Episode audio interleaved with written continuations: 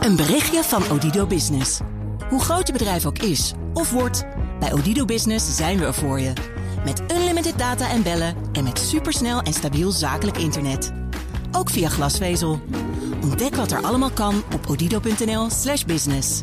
Het kan ook zo. BNR Digitaal wordt mede mogelijk gemaakt door Incentro, een IT-bedrijf. BNR Nieuwsradio. BNR Digitaal. Herbert Blankenstein. Het computerprogramma OSV, dat staat voor Ondersteunende Software Verkiezingen, is kwetsbaar, maar toch wordt het als rekenhulpmiddel ingezet bij de verkiezingen volgende week. Hoe verstandig is dat? Dat bespreek ik zo met beveiligingsdeskundige en ook onze huishacker Arjen Kamphuis. Mijn backup is vandaag internetondernemer en start-up consultant Maarten Nijkens. Welkom. En we beginnen met het technieuws. Daarvoor is hier Ivan Verrips. Ivan, verrassend, de meeste mensen zitten helemaal niet te wachten op een slim huis. Hoeveel slimme producten heb jij thuis? Uh, ik zou, ja, wat is slim, jongen? Ja, connected en zo. Heel veel mensen hebben natuurlijk wel een smart TV. Ik heb een smart TV ja, nou, en uh, die hou ik zorgvuldig unplugged. Zeker sinds gisteren waarschijnlijk. Dat uh, deed ik al. Oké, okay. er is een onderzoek van Gartner en daaruit blijkt uh, dat slechts driekwart van de mensen, dat, dat driekwart van de mensen zegt van nou, weet je, die slimme lampen en die slimme thermostaat, van mij hoeft dat allemaal niet zo. Ik kan dus, ook zelf de knop Ja, precies. Er zijn natuurlijk wel situaties denkbaar waarbij het misschien wel handig kan zijn dat ja. je even kan kijken of de wasmachine klaar is in de kelder of helemaal boven. Ja. maar uit het onderzoek van Gartner blijkt dus dat heel veel mensen daar niet op zitten te wachten. 10.000 mensen hebben ze ondervraagd in Australië, Groot-Brittannië en de Verenigde Staten. Uh, 10% van die mensen heeft één of meerdere slimme apparaten in huis. En het, geen, het gaat daarbij vooral om slimme alarmsystemen. Die zijn dus wel populair. Ja, wij gaan dit wel met sceptisch bekijken. Hè? Want uh, wie heeft er allemaal niet gezegd... ik hoef niet zo'n ding ja. in de jaren negentig... toen ja. het ging over mobiele telefoons. Ja. Ik uh, steek mijn hand op. Ik heb dat ook nou, gezegd. Oké, okay. okay, hey, filmmakers slepen de staat voor de rechter... want ze willen dat illegaal downloaden harder wordt aangepakt. Ja, het gaat om een groep Nederlandse film- en tv-producenten. Die gaat de staat aansprakelijk stellen voor gemiste inkomsten... door illegaal downloaden. Dat is natuurlijk verboden sinds een jaar of drie ongeveer... Uh, maar het wordt eigenlijk helemaal niet aangepakt. Je kan downloaden wat je wil en nou ja, er komt nooit een briefje of zo. Ja. Uh, die makers van de films en tv-programma's zijn daar boos uh, om. En zij willen dus dat de staat dat gaat aanpakken. Ze willen de staat daartoe dwingen. En als ze hun gelijk krijgen, dan komt er ook een schadeclaim. Ze zijn hier al mee bezig sinds begin vorig jaar. Allerlei brieven naar het ministerie van Veiligheid en Justitie. Maar die hebben geen zin om rond de tafel te gaan, meldt NRC. En daarom komt er dus nu een zaak. Second Life krijgt een Second Life onder de naam Sansar. Ja, uh, ik heb het nooit actief gedaan, Second Life, maar ik weet wel natuurlijk wel hoe het werkt. Ik wel een heel klein beetje. Het was, ja. uh, ik vond het niet leuk. Nee, ik sprak me ook niet zo aan. In een tweede wereld kan je dan met een avatar gaan leven en ook samenleven. En nou ja, ja. Uh, dat is al vrij oud. Dat stamt uit 2003. Dus het is tijd voor een opvolger. En daarom is er Sensor van de ontwikkelaar Linden Lab. Dat is dezelfde ontwikkelaar als Second Life. Ja. Een virtuele wereld met, verbonden met allerlei virtuele plekken. En dan kunnen wij dus onze eigen werelden maken en daar anderen weer uitnodigen. Nou, luister even mee. Sansar's easy-to-use tools allow users to add lighting, spatial sound and scripting to bring a true sense of immersion to their creations. With the click of a button, creators can publish their work and then interact with others through detailed avatars. Nou ja, virtuele. Second Life dus. Ja, spannend. Ik ben heel benieuwd, ja. We gaan wachten tot het er echt is. BNR Digitaal in, uh, in Sensor. Ja, zie ik wel voor oh, gaan we het proberen. Dankjewel, Ivan. BNR Nieuwsradio. BNR Digitaal. Hoe verstandig is het dat bij de verkiezingen een programma wordt ingezet dat bewezen kwetsbaar is? Minister Plasterk heeft OSV ondersteunende softwareverkiezingen pas alsnog weer toegelaten nadat hij het eerder had verboden wegens allerlei beveiligingsproblemen. Arjen Kamphuis, adviseur informatiebeveiliging bij Brunel, ook lid geweest van de commissie van Beek, die in 2013 onderzoek deed naar digitaal stemmen. Welkom. Uh, die software ligt al een tijdje onder vuur en toch weer gebruiken. Uh, hoe verstandig is dat? Ja, ik, het, is, het is onverstandig. Het was al in 2009 volgens mij bekend dat er allerlei problemen waren met deze software. Uh, ik denk ook dat alleen focussen op de applicatie eh, ja, is beperkt als je weet dat de computer waar het op draait en het OS wat daarop draait waarschijnlijk ook allemaal lek zijn. Of in ieder geval niet, uh, zelfs maar in de buurt van adequaat beveiligd voor dit soort activiteiten. Lek of niet Eh, adequaat eh, beveiligd wil niet zeggen dat het gegarandeerd besmet is. Hè, met weet Nee, dat maar we weten wel zijn. dat in Nederland tientallen procenten van PC's eh, wel besmet zijn. Ja. En, en natuurlijk de PC's waarmee deze dingen worden gedaan, daar zou je van verwachten dat ze een extreem veel hogere mate van beveiliging hebben. En het is de vraag of überhaupt gemeentes daarvoor geoutilleerd zijn om dat ja, überhaupt te kunnen organiseren. Ja, nou heeft Plastic eerst die stof, software eh, afgeschaft. eh, terwijl Fox eh, IT, beveiligingsbedrijf, nog onderzoeken naar deed. Ja. Fox is nu met resultaten gekomen en met adviezen. Ik heb begrepen dat Plasterk in grote trekken dat advies van Fox opvolgt. En dat het eh, om die reden dan nu wel verantwoord zou zijn.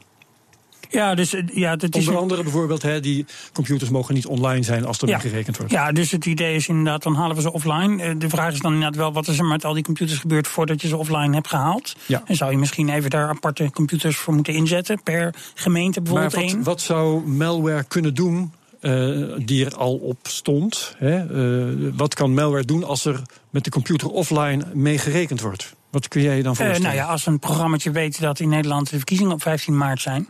En dat is een ruim van tevoren aangekondigd. Eh, en, die, en die computerklok die staat gewoon op de echte tijd. Ja, maar ze gebruiken het als rekenhulpmiddel. eh, wat inhoudt dat ze, oké, ze maken de berekening op die manier. eh, dat gaat dan wat makkelijker met de computer. Maar het wordt wel allemaal weer door mensen nagerekend. Begrijp ik uit de mededeling. Maar als je het echt, als je het narekent, waarom gebruik je dan de computer? Dus het is een beetje. Waarschijnlijk wat er Ja. gebeurt in de praktijk, is dat men gewoon gelooft wat de computer zegt. Klopt Omdat het narekenen te veel werk is. En dat is waarschijnlijk wat er in de praktijk gebeurt. En er- er zijn ook in de, in de commissie van Beek waar ik in zat, hebben we eh, uitgebreid gesproken met, eh, met statistici, eh, hoogleraren op dat gebied. Om te kijken, kan je nou protocollen verzinnen om statistisch relevante. Handmatige hertellingen te doen van de Oh, papieren biljetten. Om te verifiëren dat de elektronische eventuele telling ook klopt. En hoeveel moet je dan tellen in welke scenario's. En, nou, er zijn hele modellen voor geschreven. Maar ja, dat is natuurlijk wel werk. Iemand moet dat dan ook echt gaan doen, Het wordt duur en B, tijdrovend. Het is, het, is, het, is gewoon, het is gewoon mensenwerk. het publiek wil een, snel een definitieve uitslag. Ja, nou, het is vooral het mediasysteem wat het graag wil. Ik weet dat er destijds in de commissie een aantal eh, heren van eh, de landelijke dagbladen op vrij hoge poten bij ons langskwamen om te eisen dat wat we ook ontworpen, het moest voor moment X een uitslag leveren. Dat is jouw schuld dus, Herbert, als ik Eh, dit zo hoor. Ja, ja, ik heb want, het gedaan. Ja, nee, want, want, want dan gingen hun persen draaien. En zij zeiden dus het, het kiesproces van, hè, waarmee we de Nederlandse overheid kiezen, moet zeg maar worden aangepast binnen, de, binnen, binnen ons productieproces, want anders kunnen we de volgende ochtend niet die uitslag hebben. Ja, nou, er is wel een keertje een, een verkiezingsavond geweest waarbij het lijsttrekkersdebat over de uitslag niet kon doorgaan omdat er geen voldoende definitieve uitslag was. Ja, nou ja, dat was een pijnlijke is- situatie. Ja, maar ja, ja maar, wederom, dat het- maar pijnlijk voor wie? Hè? Dus eh, we gaan daarna voor- meestal wel een maand of langer onderhandelen over coalities en zo. Dus Ja. de, de, de, de focus van, van met name media en inderdaad een aantal andere personen, maar volgens mij niet van de hele bevolking, dat we heel snel die uitslag moeten hebben. Volgens mij, ja. ik heb liever een betrouwbare uitslag waar niet meer over gediscussieerd kan Maar worden. doe jij dan dan- dus een voorstel hoe het wel zou moeten? Eh, nou ja, ik, ik denk dat inderdaad eh, eh, handmatig. Als je dan een, een digitaal rekenhulpmiddel wil gebruiken, dan moet je echt heel goed praten met elkaar over eh, hoe je eh, ja, hele hoge mate van integriteit daar Ja. regelt. En wat inderdaad dan de handmatige. eh, eh, eh, steeksproefgewijze tellingschecks zijn. Maar om- is die om integriteit überhaupt haalbaar? Ik zie nu bijvoorbeeld de gemeente lo- lokaal in slochteren vormen. Is het haalbaar op korte termijn, nu en vijf jaar? Want dit speelt, deze discussie, elke verkiezing komt die weer omhoog drijven. Is het haalbaar, denk je, überhaupt in binnen nu en tien jaar... dat we eh, IT hier goed voor kunnen inzetten op een Ja, betrouwbare absoluut, manier? Die ook betaalbaar is Nee, hè, voor een gemeentehuis maar- slochteren. Ja, nee, maar het grappige is, deze discussie loopt natuurlijk in ieder geval al sinds 2006. Toen de werkgroep Wij Vertrouwen Stemcomputers niet begon. En op dat moment, en eigenlijk al tien jaar daarvoor, had natuurlijk de kiesraad hier de leiding moeten Dus we hebben het nu over 21 jaar al. eh, Ja, het is al meer dan twintig jaar eh, dat er zo meteen eigenlijk eh, de kiesraad gewoon dit onderwerp oprecht niet belangrijk vindt. En zich vooral focust op, op het operationele gemak.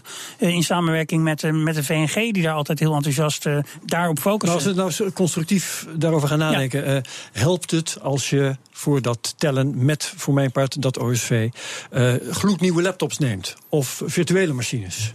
Uh, de, de, helemaal machines die nog nooit ergens anders voor gebruikt zijn, die permanent offline zijn, waar je misschien wat extra dingen aan doet, zoals het fysiek verwijderen van alle communicatiehardware uit nou, de of machine. juist hele oude low-tech computers, hè? Echt de, de Pentium Ja, ja, ja, 2. Commodore eh, 64. ja, dat soort Nou, apparaten. je, zou, je, je, zou, je zou inderdaad ook iets anders kunnen gebruiken dan zeg maar de standaard Intel-chip. Want ja, dat weten we ook. Ja. Ook sinds gisteren weten we het weer wat meer. Even Iets waar de. Russische hackers niet op rekenen dat je het Eh, zou gebruiken. Nou, en, en iets waar niet al van tevoren Amerikaanse en of Chinese achterdeurtjes ingebouwd zitten. Maar met name inderdaad, als je, als je computers neemt die bijvoorbeeld fysiek geen communicatiechip in zich hebben, Bluetooth, wifi's, dat soort dingen. En daarmee sluit je ook al een aantal risico's af. Dus er zijn echt wel technische dingen die je kan doen. Heel veel daarvan zijn ook al zeker tien jaar beschikbaar. En het is vooral de desinteresse bij de kiesraad en de gemeente eh, die ertoe leidt dat we dus nu weer last minute die discussie hebben. In plaats van Ja. dat we de afgelopen tien jaar dit gewoon heel langzaam, rustig, goed hebben geregeld. Nee, zeker, maar eh, als, als ik jou zo hoor hè, over, het, over het wegslopen van allerlei eh, onderdelen die normaal wel in een standaard laptop zitten, dan ga je praten over hele dure oplossingen. Eh, Nee, die juist ook- niet, denk ik. Een Raspberry Pi standaard- bijvoorbeeld, die kost ja, niks. precies. Standaard de Raspberry Pi zo is prima krachtig genoeg voor dit rekenwerk. Die kost eh, Ja. twee tientjes. Eh, een, een, een tweedehands laptopje waar je een schroevendraaier in zet en een wifi-kaart uitsloopt, die kost ook maar 200 euro. Dus het is vooral even, het is vooral echt gewoon. Je moet het willen, je moet het belangrijk vinden. Je moet even met z'n allen hier zeggen: oké, we gaan het zo doen. En dan moet iedereen even. niet voor de verkiezingen, Paul, voor de verkiezingen erover praten, maar juist moet- direct daarna. Ja, je- nou ja, je, ja, permanent. Je moet gewoon. De kiesraad zou dit een van haar centrale aandachtspunten moeten maken. In plaats van dat ze eh, ook zo op haar nieuwspagina. Dus er staat wel een enthousiast berichtje dat het weer mag. Maar het eerdere berichtje van dat het niet mag, die. die plaatsen ze dan kennelijk liever niet of zo. Dus er is een hele duidelijke focus op... laten we nou zo snel mogelijk dat operationele gemak regelen... en de rest, ja, laat maar. Ja, Ehm, wij journalisten, we, we kregen net de schuld, want eh, we, we jagen eh, de politiek maar op met onze haast. Eh, wij zouden natuurlijk op de verkiezingsavond kunnen gaan kijken op allerlei stembureaus. Waar moeten we dan op letten? Eh, ja, er zijn er inderdaad verschillende mensen die van verschillende partijen en andere burgers die daar toezien op de tellingen. En iedere burger mag ook gewoon gaan kijken op, het stembureau bij hem of haar in de buurt Ja. of de telling eerder verloopt. En dat zou juist. Eh, je kunt ook echt over de schouder gaan kijken van de mensen die is- aan het tellen de, de zijn, telling, aan de telling is ja, de telling is openbaar. Ja, wacht even, dat is het, tellen van de stemmen. Daarna komt dus het proces van het optellen, waarbij dus die software... Daar op een gegeven moment wordt het dus niet openbaar. En, en hoe, hoe verder je dus centraliseert, en dat is ook natuurlijk was het probleem met de stemcomputers, hoe verder je het telproces in de handen legt van minder mensen, hoe risicovoller het wordt. Om, om, omdat dus minder mensen Ja. controle hebben over heel veel Single stemmen. point of failure. Single point of failure is de grootste bedreiging voor de integriteit van het proces. Ja, Ehm, goed. Nou, we gaan toch maar naar dat stembureau eh, woensdagavond. Wie weet wat dat oplevert. Dankjewel, Arjen Kamphuis. Lekker knippen en plakken, een van de geneugten van het internet. Maar dat kan ook onaangename verrassingen opleveren. Dat hoor je straks. BNR Nieuwsradio. BNR Digitaal. Een website maken, dat kan tegenwoordig iedereen. WordPress installeren, tekstje tikken, hier en daar een fotootje kopiëren. Oh, maar dat laatste, dat kan je tegenwoordig duur komen te staan, zag redacteur Ivan Verrips gisteravond op de televisie. In april kreeg ik een mail. Zoals blijkt maakt u gebruik van één of meer van de prachtige foto van Hollandse hoogte. Ik krijg wel vaker spookfacturen, dus ik dacht, oh, daar hebben we er weer één. Maar deze keer klap ik er niet in. De rekening bedroeg op dat moment, ik geloof, 260 euro. Een half jaar later krijg ik een mail van een advocaat. eh, het verhaal over de foto en dat ik eh, met het verzoek om 820 euro te gaan betalen. 820 euro voor een foto waarop een beschuit met muisjes te zien is. Je hoort een casus uit de rijdende rechter van deze week. Die een keer niet over het recht van overpad, ruzie in de buren of een schutting gaat. De dame is Jetty Kuiper, een zelfstandige die actief is als doula, lifecoach en stervensbegeleider. Op haar website stond de foto in kwestie. Ik heb deze foto gevonden op eh, de site Dutch Free Card. Dutch Free Card, ja, dat is free, is gratis voor mij. Ja. De foto is dus gekopieerd van Dutch Free Card. Maar ja, de foto is gemaakt door Ton Poortvliet en te vinden op de portal van Hollandse Hoogte. Had mevrouw Kuiper dat kunnen weten? Hollandse Hoogte vindt van wel. Als ze contact met Hollandse Hoogte had gezocht, dan hadden we het heel goed kunnen uitleggen dat zo'n site als eh, freecards.nl, dat ja, daar komt die foto dus niet vandaan in licentie. Die leveren wij of de fotograaf. Vindt u eh, mevrouw naïef? Ehm, ja, ja. Ik vind het vrij naïef om te stellen van nou, die foto's die kan ik gewoon gratis gebruiken. Ook op Dutch Freecard is de foto ontdekt door het bureau dat voor Hollandse Hoogte onderzoek doet naar dit soort rechtenschendingen. U zegt hem van Dutch Freecards afgehaald te hebben. Wat wij op die website gezien hebben, is dat er Dutch Freecards met een copyright teken op, op de foto stond. Ja. Maar op uw website stond die afbeelding anders. Dat heb ik bewust afgehaald, dat vond ik niet mooi. Ook volgens een deskundige tijdens de hoorzitting is er sprake van een grove schending. Als je de gebruik maakt van bronnen die niet legaal blijken... dan ben je eigenlijk eh, dubbel de pineut. Nou, driedubbel door dat bijsnijden. Tijd voor de uitspraak. Rechter John Reed signaleert dat het bureau niet handig gecommuniceerd heeft, maar... Daar staat tegenover, mevrouw Kuiper, dat u wel degelijk een objectieve, driedubbele auteursrechtelijke inbreuk hebt gemaakt. U eist van mevrouw Kuiper in deze procedure een schadevergoeding van 615 euro. Ik kom op een ander bedrag uit. U betaalt 200 voor de door verweerder misgelopen licentievergoeding, 200 voor het zonder toestemming gebruiken van de foto. En ik verhoog dit bedrag met 100 euro voor het verminken ervan. En in totaal 500 euro. En dat moet dan maar een les zijn voor iedereen. Met een website foto's van anderen overnemen gaat vaak niet onbestraft. De hele uitzending van de Rijdende Rechter, geloof het of niet, die kun je vinden op bnr.nl/slash digitaal. BNR Nieuwsradio. Digitaal. Herbert Blankenstein. Online technieken om mensen te beïnvloeden, het zogeheten nudging, bedreigen de democratie en kunnen leiden tot een totalitaire staat, schrijven wetenschappers in het gezaghebbende Scientific American. Een van de auteurs is Jeroen van den Hoven, hoogleraar ethiek en techniek aan de TU Delft. Welkom. Dat artikel verscheen trouwens eerst in het Duitse Spektrum der Wissenschaft. Correct, maar zelfs ja. in Nederland loopt zoiets pas, toch pas echt in de gaten als het in het Engels verschijnt. Hè? Ja, zeker. Het is, eh, is goed opgepikt in de wereldpers. Ja. Ja. net in het, eh, in het Frans vertaald deze week. Frans ook. Ja. Verwacht je daar veel van? Nou ja, het is wel een goed moment eigenlijk om eh, dit, eh, deze boodschap is. eh, In Frankrijk? Dat, ja, zeker. Ja. Vanwege de Vanwege de, de op handen zijnde verkiezingen. Ja. Ja, ja, ja. Nudging, duwtjes geven. Ik heb zelfs, het was in Vrij Nederland, stond een stuk daar, werd het micro-nudging genoemd. Ja. Hoe werkt dat? Ja, het is het inrichten van een keuzemenu op een zodanige manier dat, dat een door jou gewenste keuzeoptie wat, wat, wat waarschijnlijker wordt. Hè. Dus je, je, je legt dingen zo voor aan mensen dat eh, datgene wat jij wilt dat ze gaan doen, dat, eh, dat die kans groter wordt. Het is, niet, eh, het is Ja. belangrijk om erbij te zeggen dat de, de andere opties nog steeds mogelijk blijven. Dat is altijd door de, de mensen die dit idee geïntroduceerd hebben altijd benadrukt. Hè. Dus dat is een soort liberaal of een s- zacht paternalistische benadering. Alles blijft mogelijk. Maar de kans dat je dat ene gewenste gaat doen is groter. Dus in de, in de kantine eh, leg je de, het frituur achterin en de gezonde dingetjes vooraan. Oh, wacht even. Nou begrijp ik meteen wat het over gaat. Eh, in supermarkten, daar liggen de echte merken liggen op ooghoogte... en de huismerken liggen bij ja, de of de dingen die je sowieso nodig hebt, die liggen onderop. En de dingen die impuls aankopen zijn, die liggen op ooghoogte. Want dan, eh, Dus, we kennen het eigenlijk al lang. Er is helemaal niks nieuws onder de zon. in- inderdaad. Alleen het wordt, en dat is eigenlijk waar we aandacht voor vragen, het wordt steeds subtieler en steeds krachtiger. En dat komt omdat we steeds meer weten. Dus het is een soort perfect storm van zeer geavanceerde kennis over hoe mensen kiezen, de psychologie van Ja. het keuzegedrag. Want jullie hebben het ook er over, over eh, online nudging. Hè? Dat is ja. een heel belangrijke. Wie doen het daar, eh, of zouden het kunnen doen? Nou ja, goed, de, de reden waarom we het hier ook over hebben, en ik denk dat dat terecht is, is eh, en waar wij dus ook aandacht voor vragen, is, is de politiek. Hè? Dus dat zijn Ja. mensen die politieke macht zoeken en die de publieke opinie in hun voordeel willen beïnvloeden. Ehm, en die kunnen er dus baat bij hebben. We hebben dat gezien in de Amerikaanse presidentsverkiezingen, we hebben het gezien eh, rond de Brexit, we hebben het ook al eerder gezien bij de Italiaanse parlementsverkiezingen. Ehm, eh, dus we zien het nu overal dat, dat je kunt berichten de wereld insturen, je kunt suggereren dat je heel veel volgers hebt die jij in feite niet hebt. Ja. Waardoor je mensen op het verkeerde been zet. Maar hoe belangrijk is dat? Want er zijn zo verschrikkelijk veel invloeden. Ik bedoel, de kranten schrijven dingen. eh, de, de politieke partijen die eh, hebben hun eigen uitzendingen. Dat is natuurlijk hele duidelijke Ja, ja. propaganda die je als zodanig kunt herkennen.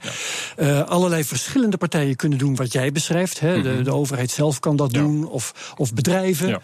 Maar ja, goed, je gooit nu Wat eventjes al een paar dingen op een hoop. Dus je de media, de traditionele media, en je bent zelf een goed voorbeeld, en we hebben ze hier ook in huis. Mhm. Mensen die gewoon een, die heel conscientieus te werk gaan. Gaan bij het eh, voorbereiden van een nieuwsuitzending.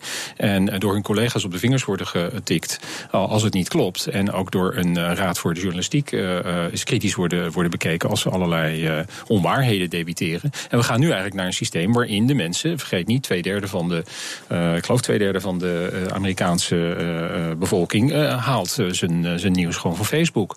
En we hebben nu net een discussie gehad met Facebook over wat is hun verantwoordelijkheid als editor van dat nieuws. En dus wat wordt er allemaal de wereld ingeslingerd? Wat kan er op Twitter allemaal worden gedebiteerd? Eh, en, en dat is nu eigenlijk het punt. We zitten in een transitieperiode. En de mensen die nu geïnteresseerd zijn in de macht, grijpen die mogelijkheid van die grijze zone, waarin er nog geen editorial of geen redactionele verantwoordelijkheden goed belegd zijn. Ja. Even aan Maarten Nijkers vragen. Jij eh, bent bij backup nu, eh, maar je was ooit leidend eh, bij Hives. Ja. Ja. Daar de leiding. Heb je daar ook lekker zitten nudgen? Nou ja, nudging. eh, Het doet mij heel erg denken aan internetmarketing of marketing in de meest brede zin van het woord. En Ja. wat ik hier terecht ook hoor, het slaat nu eigenlijk over naar politiek. En we hadden voor deze uitzending kort een discussie. Kijk, Obama. Heeft dit eigenlijk ook al gedaan in zijn verkiezingen. Alleen toen vond iedereen het spectaculair en slim en interessant. En nu zien we het een een beetje. presidentskandidaat die de sociale Ja, media die begrijpt hoe social werkt, hoe internet werkt. Die eh, eh, constant het nieuws probeert te bepalen met mooie onderwerpen. Nou, we hebben nu Jesse Klaver in Nederland, die probeert dat ook hier naartoe te trekken. Vindt het allemaal heel fascinerend. Nu zien we alleen ook wel de keerzijde met een Donald Trump, waar we het volgens mij niet allemaal even goed mee eens zijn. Wat dat ook kan betekenen. En ik denk, ja, in de kern zit daar inderdaad iets, eh, iets wat steeds groter wordt. Een perfect storm vind ik een mooie eh, typologie. Ja. wat doe je daartegen? Ja, dat is heel ingewikkeld. Want het wordt Dus- alleen maar Het dus die de combinatie technologie van- erachter wordt alleen maar meer. Het is die combinatie van AI, artificiële intelligentie, big data, real-time big data en zeer geavanceerde kennis over hoe mensen kiezen, de psychologie. En die combinatie van die drie, en dat, dat, dat zou je een perfect storm kunnen noemen. Als je die in handen hebt, dan kun je in feite, en dat is anders dan bij Obama, althans, dat, dat zou je kunnen beargumenteren. Was tenminste nog herkenbaar En, en dan als- bypass je niet de menselijke rationaliteit. En eh, iedereen mag natuurlijk proberen om zijn Het is eigen positie. nudging als je het niet merkt, bedoel je? precies. Ja. Nudging is per definitie eigenlijk. eh, Dus dat je niet eh, zeg maar een, een redeneerstap erin hebt. maar je probeert op. Je zou kunnen zeggen, op oneigenlijke gronden eh, probeer je mensen tot een alternatief te brengen. En dat wordt natuurlijk eh, in een democratie eh, enorm problematisch. Want daar word je geacht dat mensen kiezen op basis van hun kennisname van wat er in de wereld aan de hand is. En Maar hoe, hoe kan dat leiden tot een totalitaire staat? Want voorlopig hebben wij gewoon een onregeerbaar land. Nou, als je kijkt naar de analyse die van de week, geloof ik, door NRC is gemaakt over hoe het hier in Nederland met fake news staat, dan is dat hier eigenlijk heel gunstig. Hè? Want eh, in vergeleken bij, vergeleken bij eh, Amerika. Hoezo gunstig? Nou, gunstig omdat wij niet zo massaal achter fake news aanlopen. Dus bijvoorbeeld. hè, Wij als zijn je minder kijkt- vatbaar Wij zijn minder vatbaar. En hoe komt dat? Ah, we zijn kleiner. Dus de meest geavanceerde technieken zijn nog niet hier uitgeprobeerd, omdat er nog geen business case is in, de Nederland, in Nederland, zeg maar. En maar het andere is, we zijn relatief hoog opgeleid en misschien zijn we nuchtiger, nuchterder. Dus als je bijvoorbeeld eh, Pechtold eh, fotografeert, gefotoshopte foto, dan is dat, heeft dat een ander effect op de Nederlandse kiezer dan wanneer je zegt dat de Pope has endorsed Trump. En dat gaat meteen eh ja, viral. ik betwijfel dat wel hoor. Ik denk op termijn dat dat ook hier wel eh, Oh, dat denk gaat ik ook. gebeuren. Hè. Dat maar is op echt dit moment, als we kijken naar de volgende verkiezingen, denk ik dat we dus nog eigenlijk relatief goed af zijn. Maar mijn vraag was dus, hoe leidt dat nou tot totalitarisme? Nou, omdat je eh, he- heel simpel eh, eh, de, een greep. want dit gaat allemaal over geld. Hè? Dus het gaat over eh, wie kan die fake accounts aanmaken. Die kan je kopen. Je kan gewoon duizend fake accounts kopen van tussen de 50 en de 150 dollar. Vervolgens kan je voor, voor 1000 dollar wat software eh, eh, gebruiken die, eh, die, de- die dat legertje van bots aanstuurt. En je, die kunt, je kunt er zelfs allemaal- geld mee verdienen. Hè. Dat hele fake news verhaal rond Hillary Clinton was schijnbaar een site ergens in Oost-Europa. En die deed alleen maar om kliks te krijgen op zijn eigen website. Ja, en op dus- basis daarvan dus geld te het- verdienen. ja, Dus maar- het feitelijk hoef je niet eens meer geld te hebben. Maar kijk, waar we nou zo bang voor zijn geweest in de Amerikaanse verkiezingen, maar ook hier. Hè, we hebben nu gezien dat de heer Wilders ook geld ontvangt van eh, extreemrechtse partijen uit de Verenigde Staten. En we weten dat dit eh, eh, ook in Frankrijk gebeurt. Hè. Dus eh, Le Pen wordt gesteund door een Russische, Russische bank. Eh, en de eh, landen bij Macron. eh, dus, dus hoe leidt dat ertoe? Nou, eenvoudig, omdat er mensen zijn die hele grote belangen hebben. En die belangen willen veiligstellen via een politieke, een politieke partij. Die ze in het zadel helpen door deze technologie. En dan wil ik nog even heel kort van je horen, wat kun je er tegen doen? Half minuutje. Nou, eh, ik denk dat we heel goed op weg zijn door, door daar aandacht voor te vragen. Ik denk dus dat een, een van de dingen waardoor Nederland, dus we noemden al even relatief hoog opgeleid, relatief nuchter, een kleine markt, nog niet de meest sophisticated technology around. Eh, maar ik denk toch ook eh, eh, het awareness van dit soort problemen. dus het denk- feit dat we daar überhaupt aandacht voor hebben. Oké. Dankjewel, Maarten Nijkens ook. Uh, dankjewel, Jeroen van der Hoven van de TU Delft. Meer hierover in de podcast De Technoloog. Ben van den Burg en ik gaan zo praten, praten met Jeroen van der Hoven. En dat is vanaf donderdag online te vinden, de podcast. Um, dit was BNR Digitaal voor nu alweer. Maarten Nijkens was mijn backup. Bedankt. En de uitzending terugluisteren kan via de BNR-app, bnr.nl slash digitaal, via de podcast en via Spotify. Graag tot volgende week. BNR Digitaal wordt mede mogelijk gemaakt door Incentro, een IT-bedrijf. Een berichtje van Odido Business. Hoe groot je bedrijf ook is of wordt, bij Odido Business zijn we er voor je. Met unlimited data en bellen en met supersnel en stabiel zakelijk internet. Ook via glasvezel. Ontdek wat er allemaal kan op odido.nl/slash business. Het kan ook zo.